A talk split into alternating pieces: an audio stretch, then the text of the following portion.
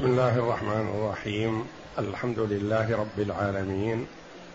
والصلاة والسلام على نبينا محمد وعلى آله وصحبه أجمعين. وبعد. أعوذ بالله من الشيطان الرجيم. بسم الله الرحمن الرحيم. يا أيها الذين آمنوا آمنوا بالله ورسله والكتاب يا أيها الذين آمنوا آمنوا بالله ورسوله والكتاب الذي نزل على رسول يا أيها الذين آمنوا آمنوا بالله ورسوله والكتاب الذي نزل على رسوله والكتاب الذي أنزل والكتاب الذي أنزل من قبل ومن يكفر بالله وملائكته وكتبه ورسله واليوم الآخر واليوم الآخر فقد ضل ضلالا بعيدا.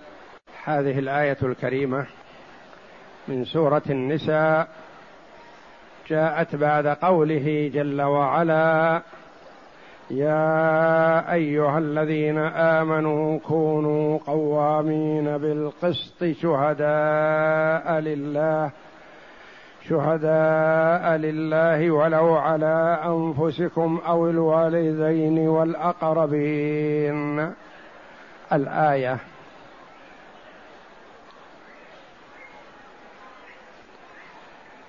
بعد أن أمر جل وعلا بالقسط والعدل في الشهادة والحكم. أمر بالإعتناء بتكميل الإيمان. فقال تعالى يا أيها الذين آمنوا آمنوا بالله ورسوله. اولا سبب نزول هذه الآية يوضح تفسيرها. قيل نزلت في اليهود. ويروى عن ابن عباس رضي الله عنهما. وقيل نزلت في المسلمين. وقيل نزلت في المنافقين. قيل نزلت في اليهود. وذلك أن عبد الله بن سلام رضي الله عنه ومن آمن معه بمحمد صلى الله عليه وسلم جاءوا إلى النبي صلى الله عليه وسلم فقالوا نؤمن بك وبالقرآن الذي نزل عليك وبموسى وبالتوراة وبعزير. ونكفر بما سوى ذلك. فأنزل الله جل وعلا يا أيها الذين آمنوا آمنوا بالله ورسوله. الآية. فأمرهم الله جل وعلا بأن يؤمنوا بالله جل وعلا وبرسوله وبالكتاب الذي نزل على رسوله الذي هو القرآن والكتب التي أنزلت من قبل. وأن الإيمان بالله وملائكته وكتبه ورسله واجب على كل مؤمن. ولا يتم إيمان المرء حتى يؤمن ويحقق الأركان الستة من أركان الإيمان التي وردت في حديث عمر بن الخطاب رضي الله عنه في مجيء جبريل عليه السلام إلى النبي صلى الله عليه وسلم يسأله عن الإسلام والإيمان والإحسان وعن درجة وعن الساعة وعلاماتها. فأخبره صلى الله عليه وسلم بأن الإيمان أن تؤمن بالله وملائكته وكتبه ورسله واليوم الآخر وبالقدر خيره وشره.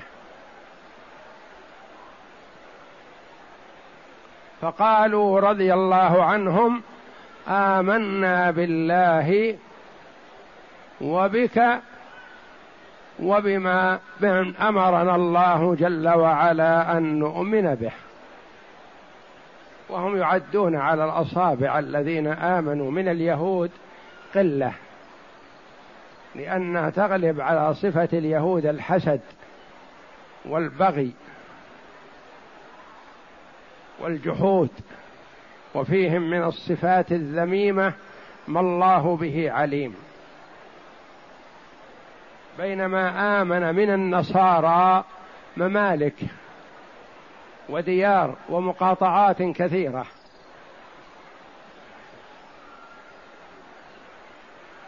بينما كان الواجب أن يؤمن من اليهود أكثر لأن اليهود مع النبي صلى الله عليه وسلم بالمدينة وعرفوه كما يعرفون أبناءهم بل أكثر ويشهدون تنزل الآيات ويعرفون صفته في كتبهم وهم يعرفونه حقا لكنهم كفروا به جحودا وبغيا وحسدا.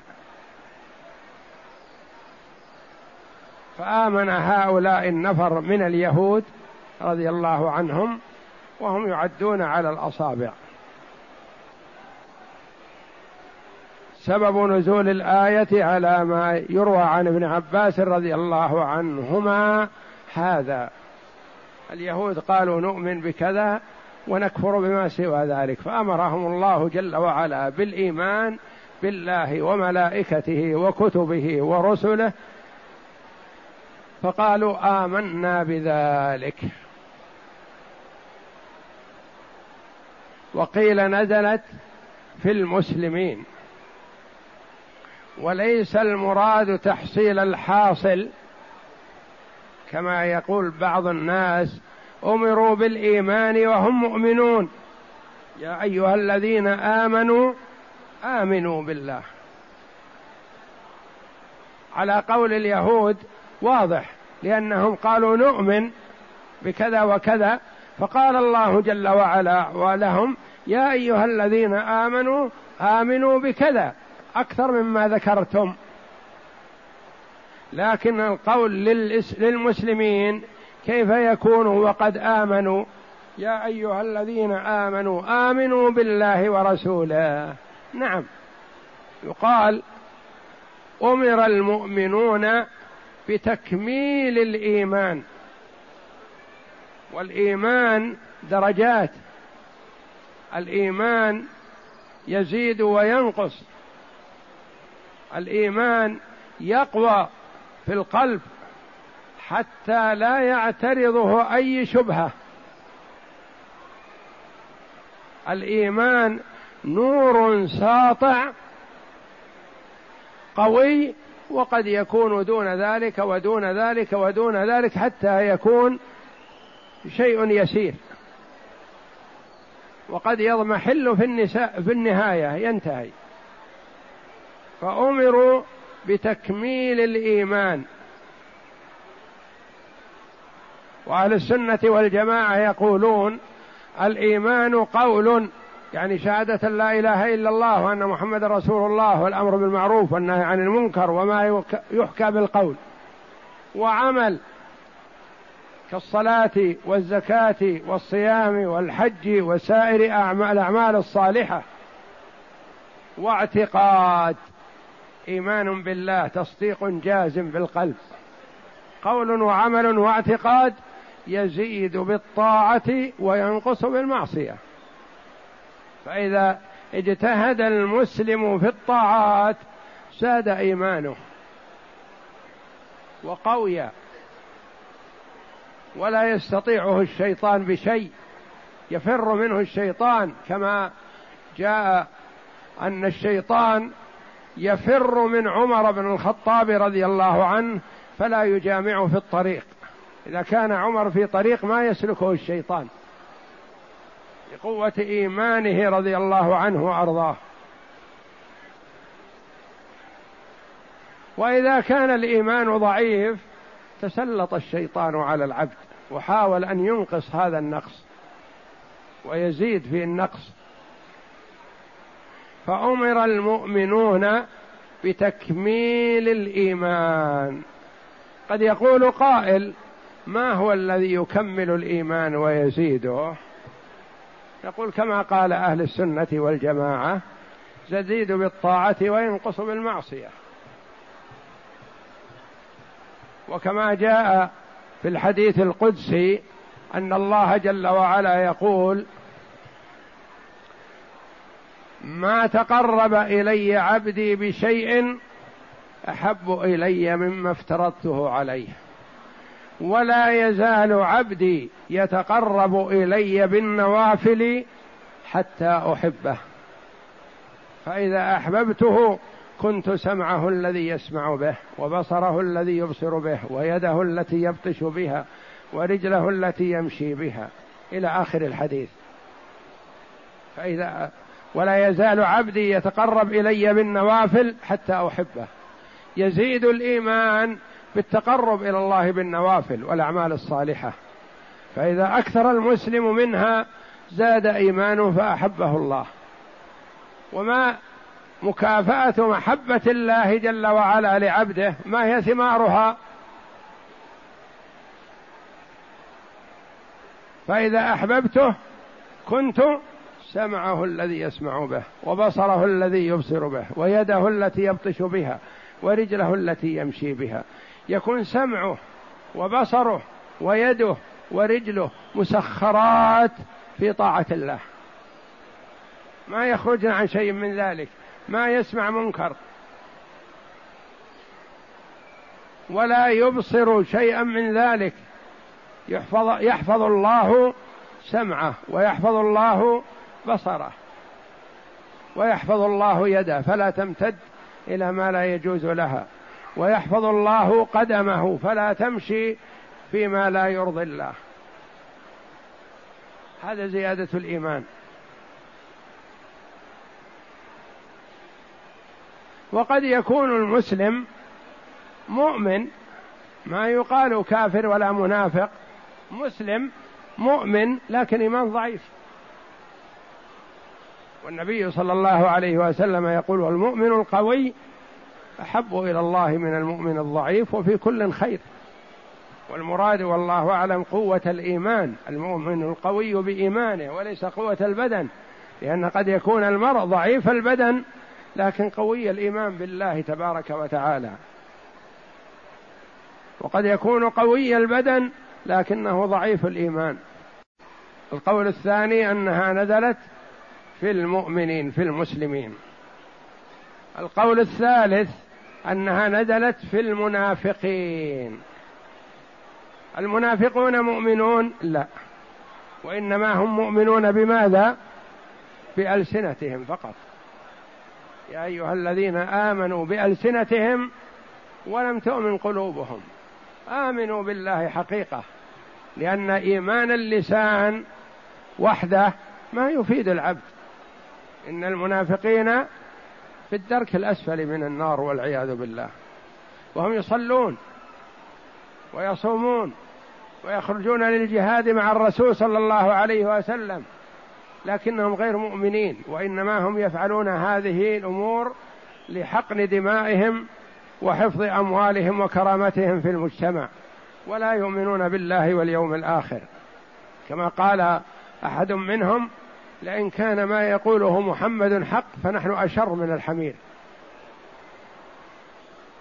يقول نحن ما نصدق محمد فيما يقول إن كان حق فإن أشر من الحمير فهم يفعلون ما يفعلون لا عن إيمان وإنما لغرض دنيوي فقط. لأنهم رأوا الإسلام في زيادة وانتشار وقوة. وغلبه والحمد لله وخاصة وجد النفاق بعد غزوة بدر.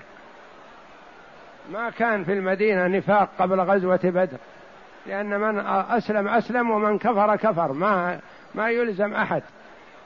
بعد غزوة بدر ورأوا نصر الله جل وعلا لعباده المؤمنين دخلوا في الإسلام لا عن إيمان وإنما لحقن دمائهم وحفظ أموالهم ومراكزهم وقيمهم في المجتمع.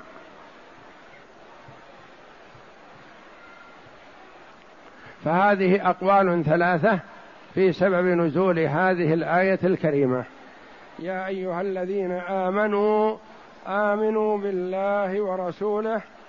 يا أيها الذين آمنوا آمنوا بالله ورسوله. محمد صلى الله عليه وسلم. والكتاب الذي نزل على رسوله والكتاب الذي أنزل من قبل. والكتاب الذي نزل على رسوله. المراد به القرآن. وجاء الفرق بين نزل وبين أنزل. نزل بالتشديد يفهم منه أنه نزل شيئا فشيئا. وهذا القرآن صفته. نزل خلال ثلاث وعشرين سنة. والقرآن ينزل. نزل القرآن منجما. آية آية وسورة سورة. ثلاث عشرة سنة بمكة. ينزل القرآن على النبي صلى الله عليه وسلم. وعشر سنوات ينزل القرآن على النبي صلى الله عليه وسلم بالمدينة وفي الغزوات وفي الأسفار. ثلاث وعشرين سنة والقرآن ينزل. أول ما نزل منه اقرأ باسم ربك الذي خلق. وآخر على ما قيل نزل آية الدين.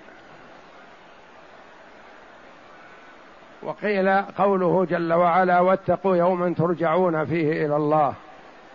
الآية. خلال ثلاث وعشرين سنة والقرآن ينزل. حسب الحاجة إلى ذلك في أمور الدنيا والآخرة. حينما توجد الحالة التي تستدعي يأتي القرآن من الله جل وعلا. مثل ما نزل على النبي صلى الله عليه وسلم قد سمع الله قول التي تجادلك في زوجها وتشتكي إلى الله والله يسمع تحاوركما. وخوله هذه عند النبي صلى الله عليه وسلم تشتكي الحال. وكما نزل قوله جل وعلا تبت يدا أبي لهب وتب. لما دعا النبي صلى الله عليه وسلم بطون قريش خصص وعمم فاجتمعوا حوله. فقال لو أخبرتكم أن خيلا تغير عليكم أكنتم مصدقيا قالوا ما جربنا عليك كذب. ما يعرفون عنه كذب عليه الصلاة والسلام. الصادق الأمين. قال إني نذير لكم بين يدي عذاب شديد. قولوا لا إله إلا الله تفلحوا. ودعاهم صلى الله عليه وسلم إلى توحيد الله. فقام الشقي اللعين. أقرب الناس إليه الذي كان الواجب أن يدافع عنه وأن يسارع في الإيمان به. قال تبا لك سائر اليوم. ألهذا جمعتنا؟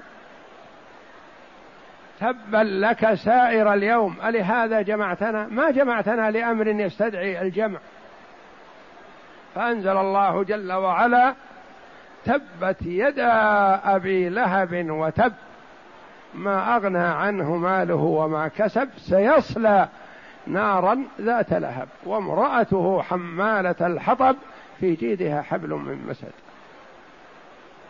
بعدما قال هذه المقولة أنزل الله جل وعلا فيه ذلك.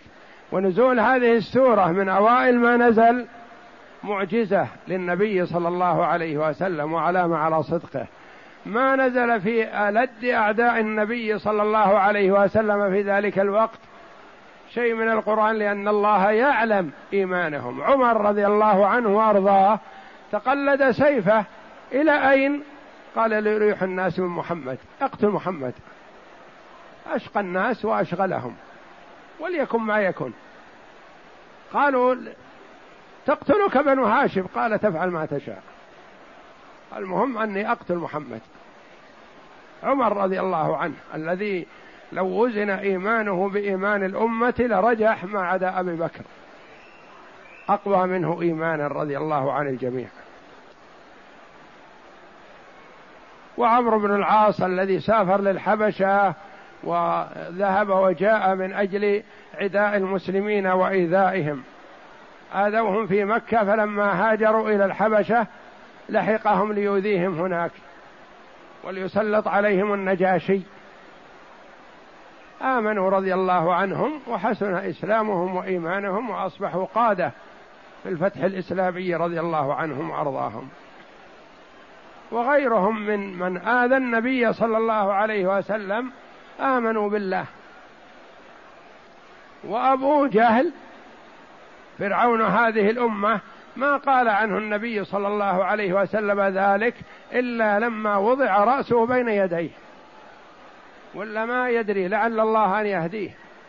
ودعا له النبي صلى الله عليه وسلم بالهداية اللهم أيد الإسلام بأحب العمرين إليك. عمر بن الخطاب وعمر أبو جهل. فكان أحب الرجلين إلى الله عمر بن الخطاب رضي الله عنه فأيد الله به الإسلام والمسلمين. وأبو جهل أخبر عنه النبي صلى الله عليه وسلم أنه فرعون هذه الأمة ما أخبر إلا بعدما وضع رأسه بين يديه. عرف أنه مات على ما مات عليه من الكفر والضلال والعياذ بالله. وإلا ما كان يدري النبي صلى الله عليه وسلم متى يقذف الله الإيمان في قلبه.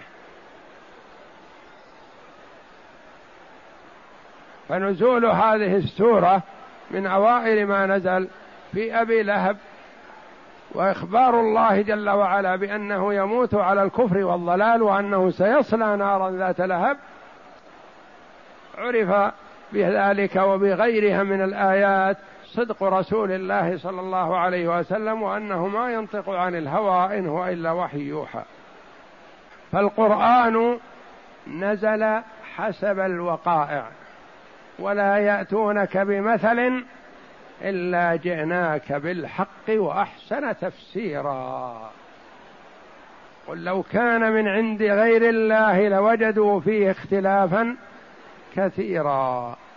إن هذا القرآن يهدي للتي هي أقوم في كل شيء. فالقرآن نزل خلال ثلاث وعشرين سنة. ولذا قال الله جل وعلا عنه والكتاب الذي نزل نزل التشديد هذا يشعر بالتدريج أنه شيئا فشيئا.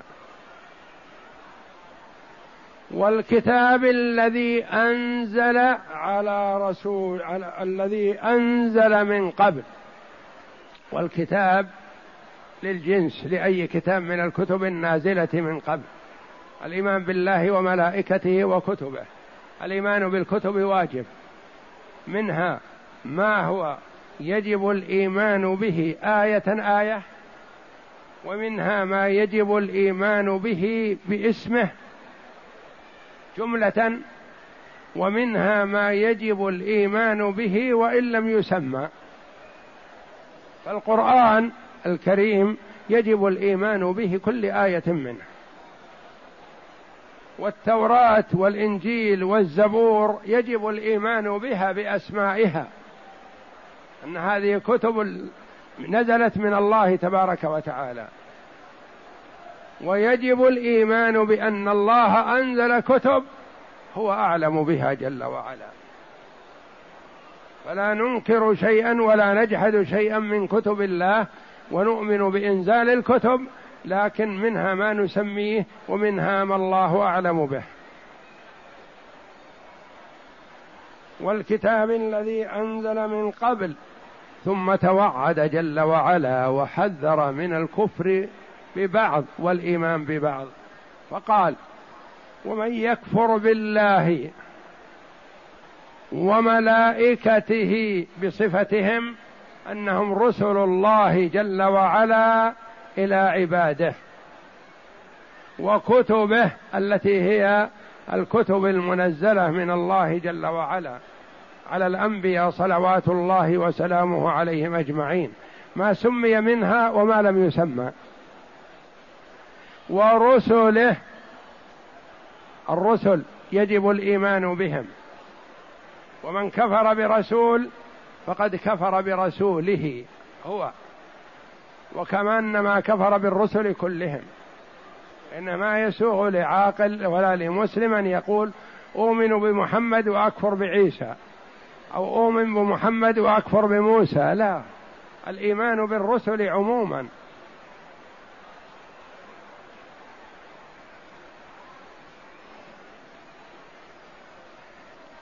واليوم الآخر الذي هو يوم القيامة بما ثبت فيه من الأحوال والأهوال والوعيد والنعيم يجب الإيمان به.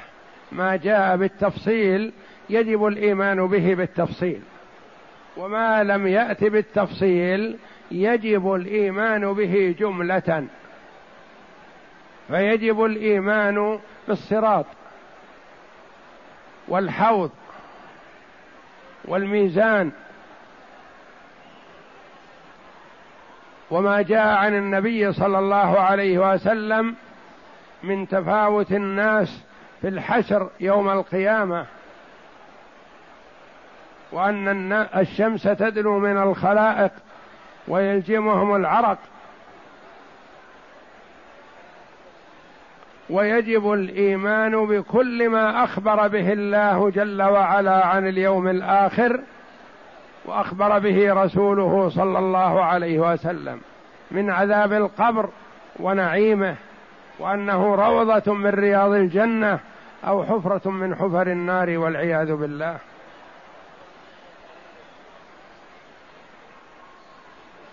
واليوم الآخر وسمي الآخر لأن ليس بعده يوم. إذا جاء خلاص لأن الأيام هذه يوم بعد يوم. فإذا جاء يوم القيامة انتهى تكرر الأيام. يوم واحد. ومن يكفر بالله وملائكته الآية فقد ضل ضلالا بعيدا. بعيد عن الصواب بعيد عن الحق بعيد عن الهداية. لأن من الناس من يضل في بعض المسائل لكن ترجى له الهداية. ضلال ليس بالبعيد. لكن من يكفر ويموت على كفره والعياذ بالله فقد ضل ضلالا بعيدا. لا يرجى له هداية بعد هذا.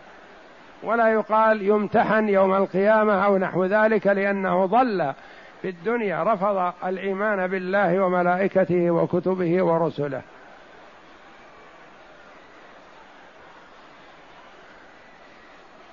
ومن بلاغة القرآن أنه يصلح خطاب لليهود والنصارى.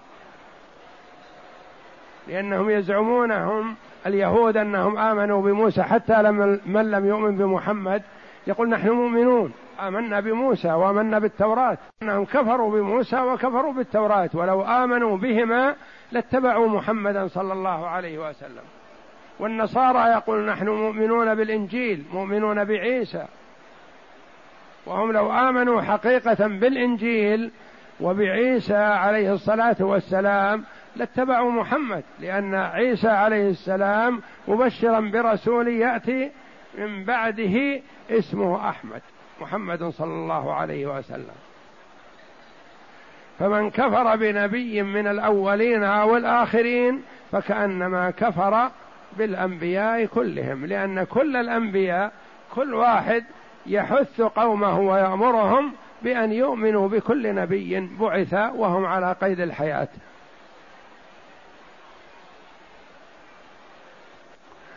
وحث للمؤمنين بتكميل الإيمان وأن الإيمان يزيد وينقص وأنه لا ينبغي للمسلم أن يرضى بالدون بل يختار الأعلى. ويعمل الصالحات. وحث للمنافقين بالصدق في إيمانهم الظاهر لأنهم آمنوا ظاهرا لكن ما آمنوا باطنا. فأمروا أن يؤمنوا ظاهرا وباطنا. يأمر تعالى عباده المؤمنين بالدخول في جميع شرائع الإيمان وشعبه وأركانه ودعائمه وليس هذا من باب تحصيل الحاصل بل من باب تكميل الكامل وتقريره وتثبيته والاستمرار عليه. كما يقول المؤمن في كل صلاة اهدنا الصراط المستقيم أي بصرنا وزد وزدنا هدى. وثبتنا عليه فأمرهم بالإيمان به وبرسوله. كما قال تعالى يا أيها الذين آمنوا اتقوا يا أيها الذين آمنوا اتقوا الله وآمنوا برسوله. وقوله والكتاب الذي نزل على والكتاب الذي نزل والكتاب الذي نزل على رسوله يعني القرآن والكتاب الذي أنزل من قبل أنزل. والكتاب الذي أنزل من قبل وهذا جنس يشمل جميع الكتب المتقدمة. وقال في القرآن نزل لأنه نزل مفرغا منجما على الوقائع بحسب ما يحتاج إليه العباد في معاشهم ومعادهم. وأما الكتب المتقدمة فكانت تنزل تنزل جملة واحدة ولهذا قال تعالى والكتاب الذي أنزل من قبل. ثم قال تعالى ومن يكفر بالله وملائكته وكتبه ورسله واليوم الآخر فقد ضل ضلالا بعيدا أي فقد خرج عن طريق الهدى وبعد عن القصد كل البعد. والله أعلم وصلى الله وسلم وبارك على عبده ورسول نبينا محمد وعلى آله وصحبه أجمعين.